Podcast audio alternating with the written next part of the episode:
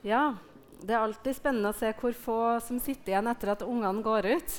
For det var så fullt her at folk måtte stå i gangen eh, før vi begynte. Og så drar ungene ut, og så, ja, så, er det kanskje bare halvparten igjen. Så det er vi veldig glad for, at vi har så mange barn her i, eh, i kirka.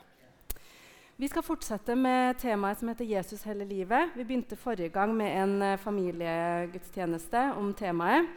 Og eh, Vi skal fortsette i dag, og i dag skal du få vite hva er egentlig det her Jesus hele livet som vi driver og snakker om. Eh, fordi at I tillegg til at eh, det er eh, at vi skal ha Jesus hele livet, så er det også et konsept. Eh, for noen år siden så ramla jeg over en undersøkelse som var gjort, eh, som viste at over 50% av barn som er vokst opp i kristne familier, forlater troen når de blir voksen. Og Det er sånn som jeg synes er veldig, sånn, det er veldig interessant. Og så tenker jeg litt sånn eh, at jeg har veldig lyst til å finne ut litt mer om det og har lyst til å jobbe litt med det. Og så kan man jo spørre seg sjøl hvordan har vi havna her? Og Det er nok mange årsaker til at det har skjedd. Eh, og Forskninga sier ikke noe sånn tydelig om hvorfor det skjedde, men det forskninga egentlig sier noe om, det er om de som valgte å, å ha troen når de ble voksen. Eh, de hadde én ting til felles, og det var at de hadde sett en levende tro komme til uttrykk hjemme. Så de aller fleste av de som valgte å eh, beholde troen når de ble voksen, hadde opplevd det. Eh, jevnlig kristen praksis i sitt barndomshjem. Og av dem som hadde, det, hadde mm, opplevd det hjemme, så var det 90% som beholdt troa si. Og den, det er også en norsk undersøkelse som bygger opp under det. Eh, så og så ble de også spurt eh, til de som eh, fortsatt hadde troen når de var eh, voksne, eller sånn 20-årene. da. eh, hvem var det som påvirka deg til å ta det valget? Og da var det Da eh, viste det seg at Å, vet dere, jeg er så dårlig på den greia her. Det var sikkert hardt, kanskje. da viste det seg at det er mamma og pappa. Først mamma, og så pappa som var de viktigste folkene eh, som lå bak den avgjørelsen til å fortsette å følge Jesus når man var voksen. Så eh, også besteforeldre og, eh, og, nære venner og andre familiemedlemmer kom ganske høyt opp på den eh, pallen. Mens eh, sånn som barneledere og pastor Ja, pastor er overraskende høyt oppe, altså. Men barneleder er jo langt ned på lista der. Så kanskje jeg bare må si opp jobben min nå, altså, så får dere ta over her. um, så det viser seg at det er hjemmet som har størst innflytelse. Og vi vet det intuitivt når det gjelder eh, verdier og vaner som vi har i, i hverdagen vår. Og så glemmer vi det kanskje litt når det kommer til eh, det med tro. Eh, for i større grad så har trosopplæringa blitt satt bort til profesjonelle. Tenk, og det tenker jeg at det er nok kanskje i beste mening at man tenker at man skal sette det til noen som kan det. Eh, og så eh, eh, kanskje man eh, At liksom hjemmet blir litt fattigere på å snakke om, om, tro enn sånn som det var for noen år tilbake. Og nå er det veldig viktig for meg å understreke at Når jeg skal snakke om det her videre fremover nå, så håper ikke jeg at det er sånn at hvis eh, noen her har barn som har valgt bort troen, eller får barn som velger bort troen, så er det veldig mange ting som påvirker når et barn skal velge eh, sin vei i livet. Sånn da tenk, håper jeg ikke at det er noen som sitter og tenker nei, nå har jeg gjort ting feil. eller sånn. For det er veldig mange ting som spiller inn. Jeg kan jo ha gjort alt jeg, alt jeg kan for at mine unger skal velge eh, Jesus, men likevel velge, uh, velge, dem det bort. Det vil jo vise seg litt frem i tid. Eh, og dette er jo litt sånn eh, ny forskning også, men jeg ønsker også å peke på noen faktorer som kan liksom, dra litt i den positive retninga fremover. da. Så jeg har med meg en krukke med klinkekuler. Og den krukka her det er eh, ditt barns liv fra 0 til 19 år. Eller barnebarn, eller tante- og onkelbarn. Eller et annet barn som du står i nær eh, kontakt med. Eh, det er 936 kuler. Det er én for hver uke. Kulene er forskjellige, fordi sånn er ukene våre også.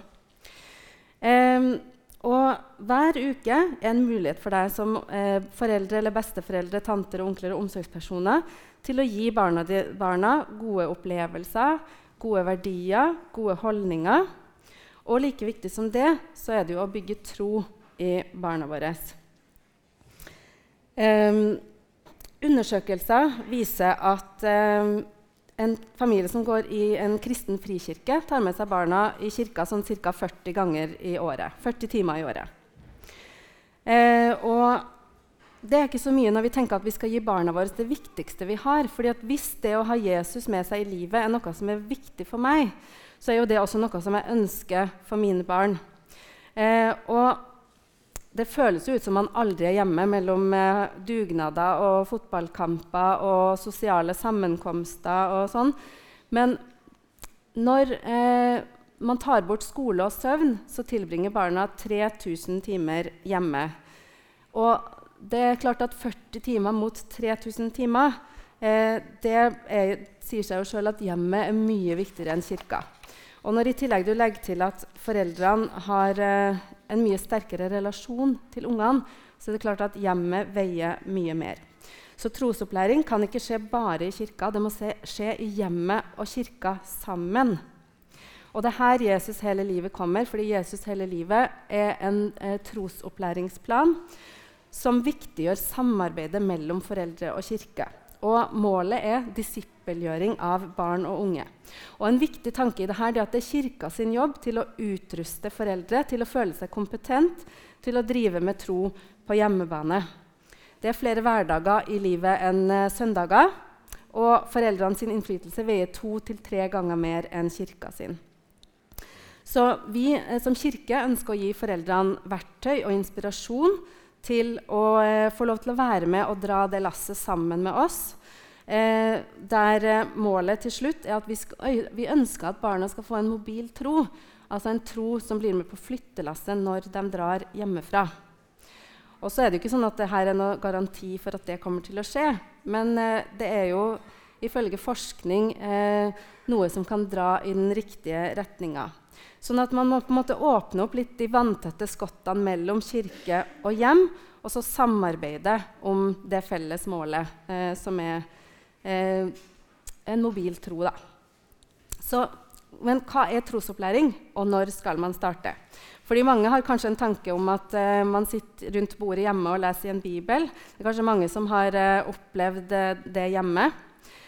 men trosopplæring kan være så mye mer enn det.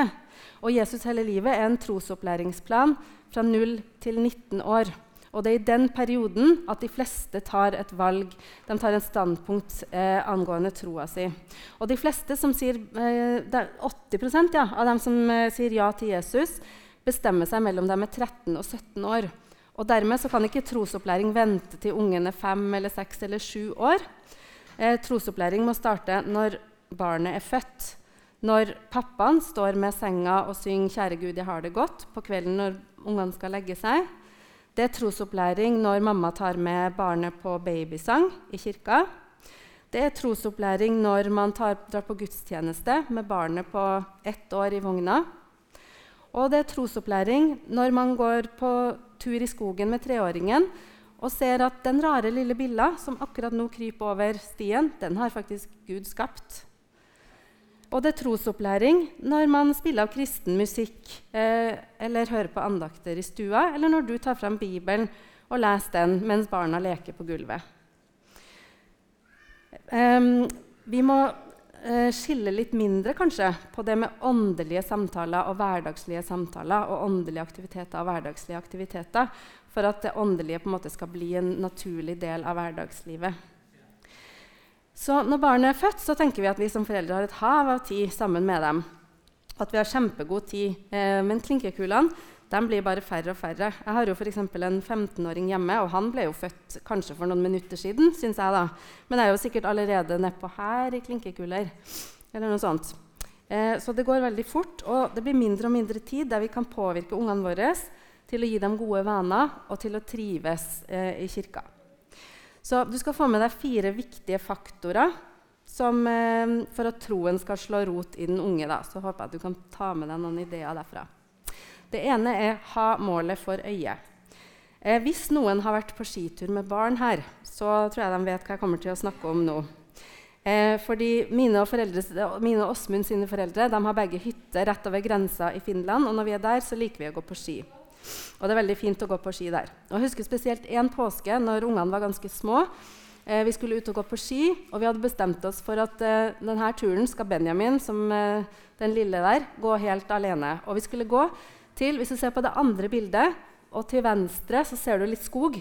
Vi skulle gå dit. Det var en øy eh, midt i, i, på vannet. Det var utrolig kort, og det tok utrolig lang tid. Um, og vi måtte hele tida ha sånn små delmål for øyet, noe som ikke var så lett, for du ser det er, det er bare vann. Så det var sånn, vi må gå bare til den lille isklumpen der. Vi skal bare gå to løypestolper lenger fram. Og så måtte vi jo fram med sjokolade og drikke hele tida. Og vi måtte pushe for å få alle sammen fram til målet. Og så kunne vi kose oss med å sitte oss ned og grille pølser. Så det er vel få som legger ut på en uh, tur med familien sin uten en plan om hvor man skal, eller hvordan man skal komme seg dit. Og Da er det viktig at man uh, vet at man har et mål for øyet. Og så er det viktig at alle vet det målet, sånn at de vet hvor lenge man holde ut på denne skituren. her. Eh, og så må man ha litt sånn sjokolade og lokke med seg ungene litt på veien. Eh, og De voksne har kanskje med seg kart og kompass for å sette kursen. Kanskje ikke når du skal en så liten tur, da. men eh, det er de voksne som setter kursen. Eh, og, så det er nyttig på samme måte å tenke på hvilke mål har vi for familien vår. Og det som er viktig for deg, det er noe du må jobbe for. Fordi vi liker å gå på ski, og vi bor nå i Norge, og det er snø halve året, så vi kan like så gjerne liksom kose oss litt med det. Og da, da, er det viktig for oss at ungene våre eh, tåler å gå på ski, sånn at vi kan gå på skitur og kose oss sammen eh, innimellom. Eh, det har ikke alltid vært behagelig. Det er ikke så artig når du står med en hylende fireåring i løypa som nekter å gå videre. Eh, og, men vi har liksom pusha oss gjennom noen sånne, sånne, greier. sånn at nå er vi der at eh, selv om noen kanskje klager av og til når vi skal på skitur, så kan vi ta med oss familien og kose oss på skitur. Men vi har jobba for det. Eh, og sånn er det med alt som er viktig. Det er ikke alltid behagelig, og det koster litt. Og det kan også være for Hvis man ønsker at barna skal bli profesjonell fotballspiller, så er det ganske mange timer på dugnad og i kiosk og på sidelinja og ganske masse penger i dopapir og eh, fotballutstyr som ligger bak. Eh, og på samme måte så krever også barna sin trosliv in, en innsats. Eh, hva ønsker vi at de skal sitte igjen med når de er 20 år og skal flytte ut? Hva er det viktigste, og hvilke mål styrer vi mot? Den andre faktoren er vær tydelig med din tro, og ta først din egen maske på før du hjelper andre. Ofte så tenker vi kanskje at vi ikke er så kompetent til å drive med trosopplæring. At uh, vi har ikke gått på bibelskole, og vi har ikke så stor liksom, trening i å formidle. Vi er ikke så flinke til det. Og kanskje noen føler også at tro er litt sånn privatsak. Det er litt vanskelig å snakke om det. Eh, mange har kanskje ikke vokst opp i kristne hjem sjøl eller vært vant til at det har vært kristne aktiviteter eh, hjemme. Før, eh, i gamle dager, så var det jo litt sånn at alle gikk i kirka, og det var vanlig at man hadde en husandakt hjemme. og, og sånn, Men nå er, har det blitt eh, annerledes. Det, det, er ikke så vanlig lenger at man har det. Den husandakten som far hadde på søndager f.eks. Eh, og på samme måte så, som man tenker at ungene kan bli opplært til å spille saksofon og, og, fotball, så tenker man også at ungene kan bli opplært i den kristne tro. Men, og det er en vanlig misoppfattelse tenker jeg, at tro er noe som skal læres. Men egentlig så er jo tro noe som smittes. Bare tenk på hvis noen i huset får eh, sånn eh, omgangssyke. Plutselig så har jo alle det. Eh, så Eh, og har dere noen gang opplevd at små barn plutselig går og henter en ting som du, du aldri trodde at de hadde sett før? nesten, Og så begynner de å bruke det på akkurat riktig måte. Ikke fordi at du har sagt at den her bruker du sånn, men fordi at de har sett at du har brukt den på den måten, og dermed så kan de også bruke den tingen automatisk. Eh, det er fordi at det, du har brukt den i hverdagen din. Og det som eh, man omgir seg med i hverdagen, det preger oss, og ofte mer enn vi vil. Fordi jeg har f.eks. en toåring. Så, og jeg går ofte rundt og synger på Fantorangen i hodet mitt. Dessverre. Og hvis du ber meg om å synge Sjøbanansangen, så kan jeg dessverre hele sangen utenat, uten at jeg egentlig har satt meg ned for å lære den. Fordi det har vært en del av hverdagen min ganske lenge nå. Eh, og, og, dermed så har det blitt en del av, eh, av, min hverdag også, egentlig, uten at jeg har tatt et, eh, et valg om at Fantorangen skal være i hodet mitt. Ja. Og så eh, var jeg, på besøk en venninne, eh, hos en venninne en eh, gang. Og av en eller annen grunn så kom vi inn på at de ikke hadde frukt i huset. fordi de, det var ikke noe å komme på å kjøpe liksom, på butikken. Og jeg er litt sånn i andre grøfta. Jeg er helt sykelig opptatt av frukt og spiser sikkert enorme mengder. Eh, og familien min også gjør det. Eh, så, så, for meg så var det en sånn, sånn, veldig sånn fremmed tanke at det gikk an å ikke kjøpe frukt. Men så kom det frem at i familien hennes så hadde ikke de kjøpt frukt når hun vokste opp. Så det var ikke noe hun var vant til. Så når hun gikk på butikken, så tenkte ikke hun på at man må kjøpe frukt. Mens jeg vokste opp i en familie der vi hadde frukt hele tida, hadde det med til skolematen, så jeg kjøper frukt. Så jeg tror ikke det er sånn at uh, hun har sittet og tenkt hjemme skal jeg kjøpe frukt i livet mitt eller ikke. Ja, og at jeg hadde gjort det. Jeg tror ikke noen av oss hadde tatt en veldig sånn konkret standpunkt om det.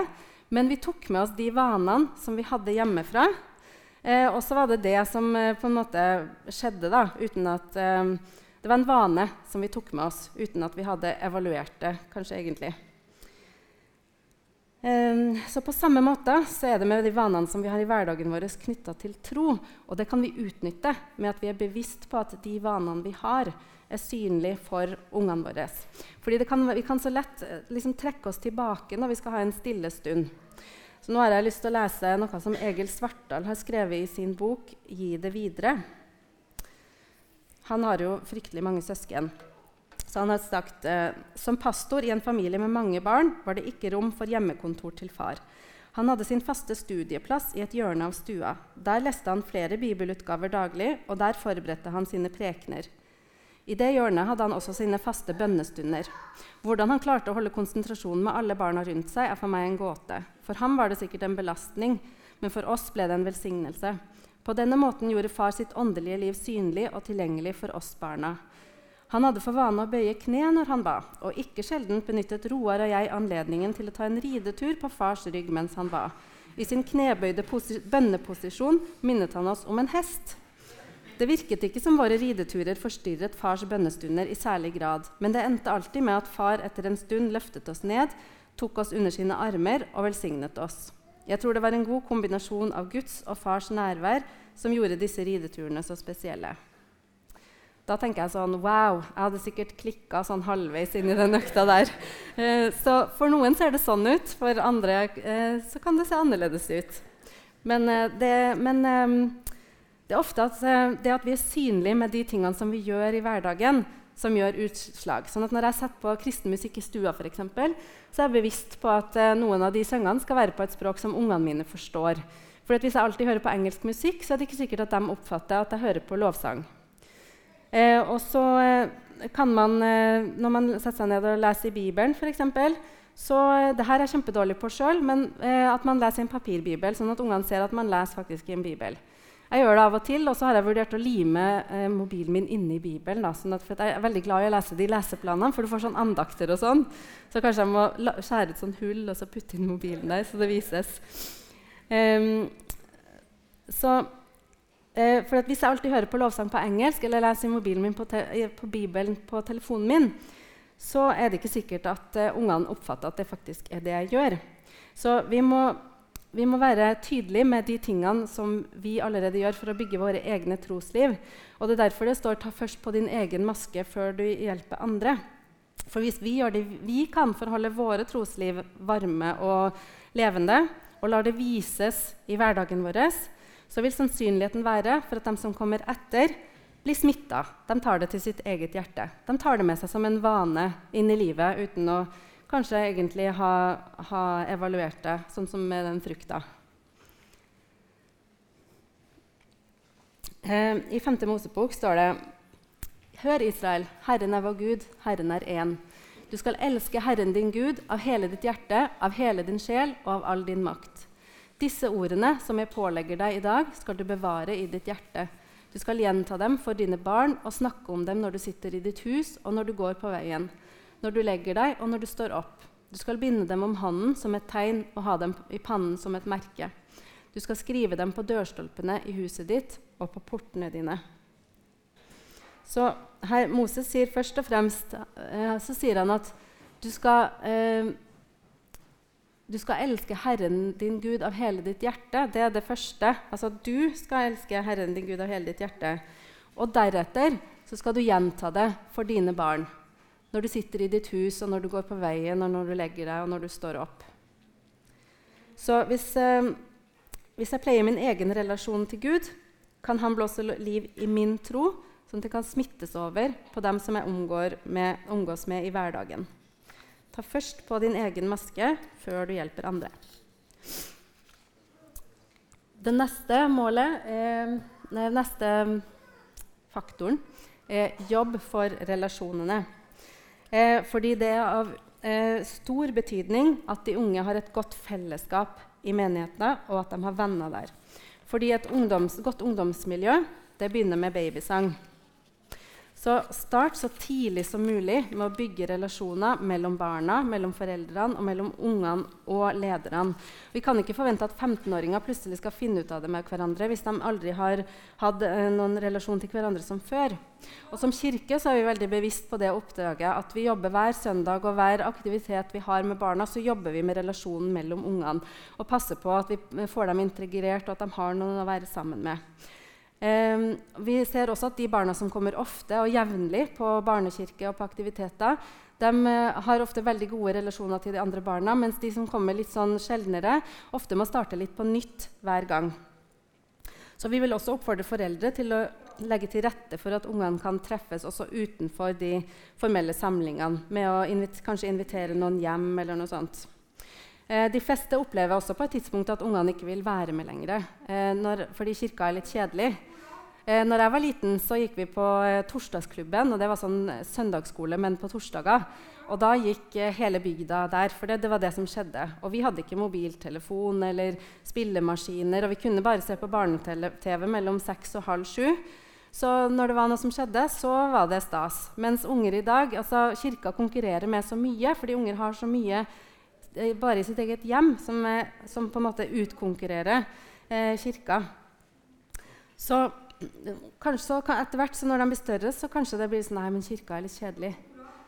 Um, og da setter, settes prioriteringene våre på prøve. For hva er det som er så viktig med kirka hvis den er kjedelig? Um, så hos oss så tenker vi i hvert fall at på samme måte som de ikke kan velge om de skal pusse tennene, så får de heller ikke velge om de skal gå i kirka eller ikke. For de er ikke i stand til å se, uh, til å se konsekvensene av det valget. Og Hvis man kommer i en sånn situasjon at ungene ikke vil gå i kirka, så går det an å ta en samtale med noen av oss som jobber på barnekirka, og prøve å finne ut hva kan vi gjøre for å hjelpe til. Kanskje hjelpe det å bygge en sterkere relasjon til noen andre barn som ungene kan glede seg til å treffe når de kommer på søndager. Så fordi Relasjoner er et veldig viktig stikkord når man skal lede barn til et levende tro. Fordi at eh, Hvis jeg legger til rette for at ungene mine får gode relasjoner til andre barn, til andre voksne og til andre ledere i kirka, så er sannsynligheten større for at når de blir eldre og skal liksom finne sin vei, så ser de til de her menneskene for å finne sin identitet. Særlig i ungdomstida er det jo viktig å ligne på resten av eh, gjengen. Så hvem ser ungene dine på, og hvem ønsker dem eh, å ligne? Og hvilke rollemodeller har de? Den siste faktoren er at foreldre og andre voksne sitt ansvar bevisst. Eh, Moses, når han starta den talen i stad, så starta han med å si 'Hør Israel'. Han sa ikke 'hør foreldre' eller 'hør dere som er spesielt opptatt av barnearbeid'. Han snakker til alle. Hele menigheten er målgruppa. Og de av dere som ikke har barn sjøl, men som er besteforeldre eller tanter og onkler eller i, i nær relasjon til andre barn, eh, også, står i en helt unik situasjon til å påvirke de ungene, for, siden at kanskje har man litt bedre tid, litt mer overskudd til, å, eh, til å, å, gjøre sånne ting sammen med barna. Jeg er i hvert fall veldig glad for at når vi besøker besteforeldrene til uh, ungene mine, så tar de seg tid på kvelden til å lese for ungene. Uh, gjerne i en kristen bok. og nå når de er eldre, så le leser de gjerne fra Bibelen. Og jeg hører også at de kan ha helt andre samtaler med ungene mine enn det jeg kan. Og så har de også litt mer energi på kvelden. fordi jeg er litt sånn, Når klokka er sju, så da er jeg ferdig med dagen. Da synger jeg tre sanger for Selma. Vi ber en kort uh, nattabønn, og så god natt. Nå er vi ferdig. Så andakter og sånne ting det må vi ta med frokostbordet eller middagsbordet. For det, det, er da jeg syns at jeg har overskudd til det. Så Derfor er det veldig deilig at noen kan bidra. Eh, sånn at, sånn at um, jeg tenker at det ikke er bare foreldre som står med det ansvaret. Så jeg skal også jeg skal lese en uh, liten historie til i um, denne boka her. Ungdommene i Skien misjonskirke har sine faste møter, Connect, hver fredag. Dette er samlinger de styrer 100% selv, og de gjør det knallbra. Men etter en undersøkelse for en tid siden der det gikk tydelig fram at de unge ønsket en nærere voksenkontakt og flere voksne ledere, har noen voksne bevisst gått inn for å engasjere seg mer. De er med som medhjelpere i kiosken etter møtet, de er forbedere eller bare er i miljøet. En av dem som har vært der lenge nå, er Hasse. Hasse er pensjonist og ikke kul. Men han er nær, til stede, varm og tilgjengelig. For en tid tilbake skulle vi ansette en ny ungdomspastor. Før man startet å lete etter denne personen, hadde menighetens ledelse et møte med ungdommens styre der de fikk spørsmål om hvordan denne nye pastoren skulle være. Hvilke egenskaper ønsket de at han eller hun skulle inneha? De brukte ikke lang tid på å oppsummere. Vi vil ha en sånn som Hasse. Hasse ble ikke ansatt som ungdomspastor, men han fortsatte som en av de faste fredagslederne. Og sammen med han har stadig flere av de voksne og eldre i menigheten funnet sin plass bakerst i kirkerommet fredag kveld. De ber for og med ungdommene, og de unge søker forbønn hos dem. Det er ingen tvil om at fredagsmøtene har blitt en oase og et godt møtested for både unge og eldre. Så man må ikke undervurdere sin egen rolle, sjøl om man er i en fase der man sjøl ikke har barn, og selv om man føler at man begynner å bli gammel og lite hipp og kul, så kan man fortsatt bidra. Jeg syns det var veldig, en veldig uh, hyggelig historie. Ja. Så det kan være lett å tenke at uh, hele den uh, pakka her man, Så kan man tenke oi, det var mye. og uh, kan kanskje lett tenke at man ikke er kvalifisert for jobben, at man ikke er noe særlig til forbilde, eller at man er en mann eller kvinne av få ord. Og at den oppgaven her er litt vanskelig. For hvordan i all verden skal jeg gjøre det? For det er jo kleint og unaturlig. Og hvordan snakker man om tro med en femåring? Og hvordan får jeg sjuåringen til å holde fokus mens jeg leser fra Bibelen? Og hva med 14-åringen og alle spørsmålene som jeg ikke kan svare på? Eh, ofte kan man føle seg lite kompetent og tenke at andre er så mye bedre. Og så når man hører at andre forteller ting som de har gjort, så tenker man oi, alle andre er så flinke. Eh, men så i realiteten så kommer det jo fra flere forskjellige personer. Eh, sånn at jeg tror eh, eh, alle gjør så godt de kan. Men eh, eneste haken med, for, eh, med, at foreldre og nære omsorgspersoner ikke setter ord på sin tro, det er altså at deres stemme betyr så uendelig mye mer enn det som skjer i kirka. Eh, vi skal snakke litt om David i Bibelen. David var jo en liten gutt. Og når den store kjempen Goliat hånte Guds hær, bestemte David seg for at eh, det ville han gjøre noe med. Han skulle kjempe mot Goliat. David var liten, han hadde aldri kjempa noen før, og han var i utgangspunktet ikke kompetent til den oppgaven som han hadde tatt på seg. Men i stedet for å tenke nei, det her får jeg ikke til, så tenkte han eh, at eh, ja, jeg har jo kasta stein på både bjørn og ulv før, så det her går sikkert bra. Så i stedet for å se begrensninger, så så David eh, muligheter. Eh, og når han skulle kjempe, så fikk han beskjed at eh, det her er rustningen du skal ha på deg. Eh, og du må gjøre det sånn som vi alltid har gjort. Men David han klarte ikke å røre seg i den rustninga, og langt mindre å kjempe. Eh, så eh, da tok han eh, og brukte noen ting som han var vant til å bruke. Han brukte steinen og slinga si i den kampen. og han fulgte sitt eget hjerte og gjorde noe som han visste at han beherska. Og det gikk jo bra, det, som vi jo vet. Så når vi prøver å tilpasse oss andre sine måter å formidle tro på, så kan det hende at det blir litt feil, og at det føles litt sånn uh, unaturlig. Kanskje vi har sett noe på et barneopplegg eller lest noe et sted, og så prøver vi det hjemme, og så blir det veldig sånn Å, det her gikk ikke så veldig bra. Men vi må finne våre egne kastesteiner. Du må finne din måte å gjøre det på. For hvis du for ikke er en person som liker å formidle, så finnes det veldig mye man kan Eh, man kan lese fra andagsbøker. Det finnes ganske mye bra på YouTube. faktisk. Det finnes podkaster og kristen musikk som man kan. Um, Utnytt tida som dere sitter i bil, og ungene uansett eh, sitter fast og må høre på det du setter på, til å sette på en bra, um, podkast eller noe sånt for, som er for barn, som er kristen. Så du må ikke undervurdere hva du kan få, til, eh, nei, kan få til ved hjelp av Gud. Og det kan hende du må stå i noen ukomfortable situasjoner og gå litt på vannet, men at du kan oppleve at du vokser med oppgaven. Så hva nå? Først og fremst, så ikke sammenlign deg med andre. For det er så lett at man ser på at andre gjør så mye bra, og så tenker man litt sånn lite om det man sjøl gjør. Um, og ikke tenk for ambisiøst om det du skal sette i gang med fremover. Litt som når vi gikk på den skituren. Vi må gå små skritt i gangen. Vi må gå små delmål i gangen. Hva er overkommelig for dere? Og kommer du til, fram til konklusjonen om at ja, men vi gjør faktisk ingenting, da er det jo veldig lite som skal til for at det blir 100% bedre. Så sånn sett så er jo ikke det så verst heller. Så hvis du tenker at du vil komme i gang med trosopplæring hjemme, så anbefaler jeg å begynne med en andagsbok som man kan lese for ungene enten ved et måltid eller når man skal legge seg, hvis man har energi da. Um, og um, Vi skal ha det temaet her i en måned til sammen. Vi har hatt to ganger nå. Neste gang skal vi ha en sånn panelsamtale der du kan plukke opp noen tips fra de som blir grilla foran på scenen her. Eh, og den siste gangen så kommer en som heter Svein Robert Solberg og skal komme og snakke om hans erfaringer med tro hjemme på, til utfordring og eh, inspirasjon. Og han er veldig flink, så det anbefaler jeg å få med.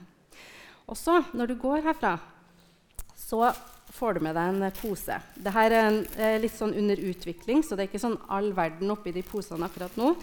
Men det er poser som er delt opp i alder, så jeg tok med den tre til fem år for å bare vise hva som er oppi her. Vi har altså 0 til 2 år, 3 til 5, 1. til 4. klasse, femte til 7., 8. til 10. Og så har vi en brosjyre for de eh, som er eldre, for det har ikke egentlig kommet så langt. da. Og så eh, oppi her så får du med deg en eh, lapp, og her står det sånn tips om bøker som du kan eh, få tak i og lese for ungene. Eh, og det står også eh, 'Slik kan trosopplæring se ut i denne alderen'. Så står det litt om, På 3-5-åringer står det litt om barnekirke, for de er jo nye for barnekirka. Eh, og så står det litt om ressurser på nett. Og det er tilpassa den ulike alderen eh, til ungene. da. Og så får du med en brosjyre, eller to brosjyrer da, som handler om alderen som ungene er, er, i. Og inni her så kan du lese litt om eh, hva, kan, hva er det kirka gjør, og målet for kirka. Og så står det eh, for å få til dette anbefaler vi følgende tiltak. Så det er altså et tips til hva du kan gjøre hjemme. Og så er det en brosjyre til der det står om eh, hvordan er egentlig den fasen som ungen din er i nå, og hvordan kan du utnytte det. Og så har jeg eh, starta litt på å utvikle litt sånn tro hjemme-materiell. Og Foreløpig så er det bare én ting i hver pose, men det her har jeg lyst til å utvikle videre. sånn at eh, om noen år så kanskje man får en svær pose full av ting. Eh, det er en ganske enkel eh, ting. der du, Her er det en, et bingo der det f.eks. står 'Hør på når det stormer'. Så når man har gjort det, så kanskje ungen kan få sette på et klistremerke, og så får man en colagodteri, f.eks. Eh, les en bibelfortelling fra en barnebok. kan man gjøre det, og Så kan de få en godteri etterpå. Så setter man på en klistremerke eller kryss. Det er litt sånn for å bare huske på og få noen ideer til hva kan vi faktisk gjøre. Og når godteri er involvert, så eh, funker det meste. Det har i hvert fall vi erfart. For no, vi har prøvd å ha sånn, en krukke med godteri stående på bordet. og så... Eh, og da eh, har vi konkurranse mellom de voksne og barna. Hvem husker på at vi skal lese leseplanen i dag? Og ungene husker det alltid. Så da får vi hjelp til å huske på at vi skal lese i Bibelen eller lese leseplanen. Og så får de en bitte liten godteri. da, jeg synes det er verdt det. De pusser tennene. Så når du går eh, herfra, så kan du komme og hente en sånn pose. Og hvis du har flere barn i samme alder, så eh, får du bare én pose, men du får ekstra av liksom, den trosopplæringsmaterialet. For du trenger jo ikke flere brosjyrer. Eh, så det skjer ute i gangen her da, litt etter, eh, etter at eh, gudstjenesten er ferdig.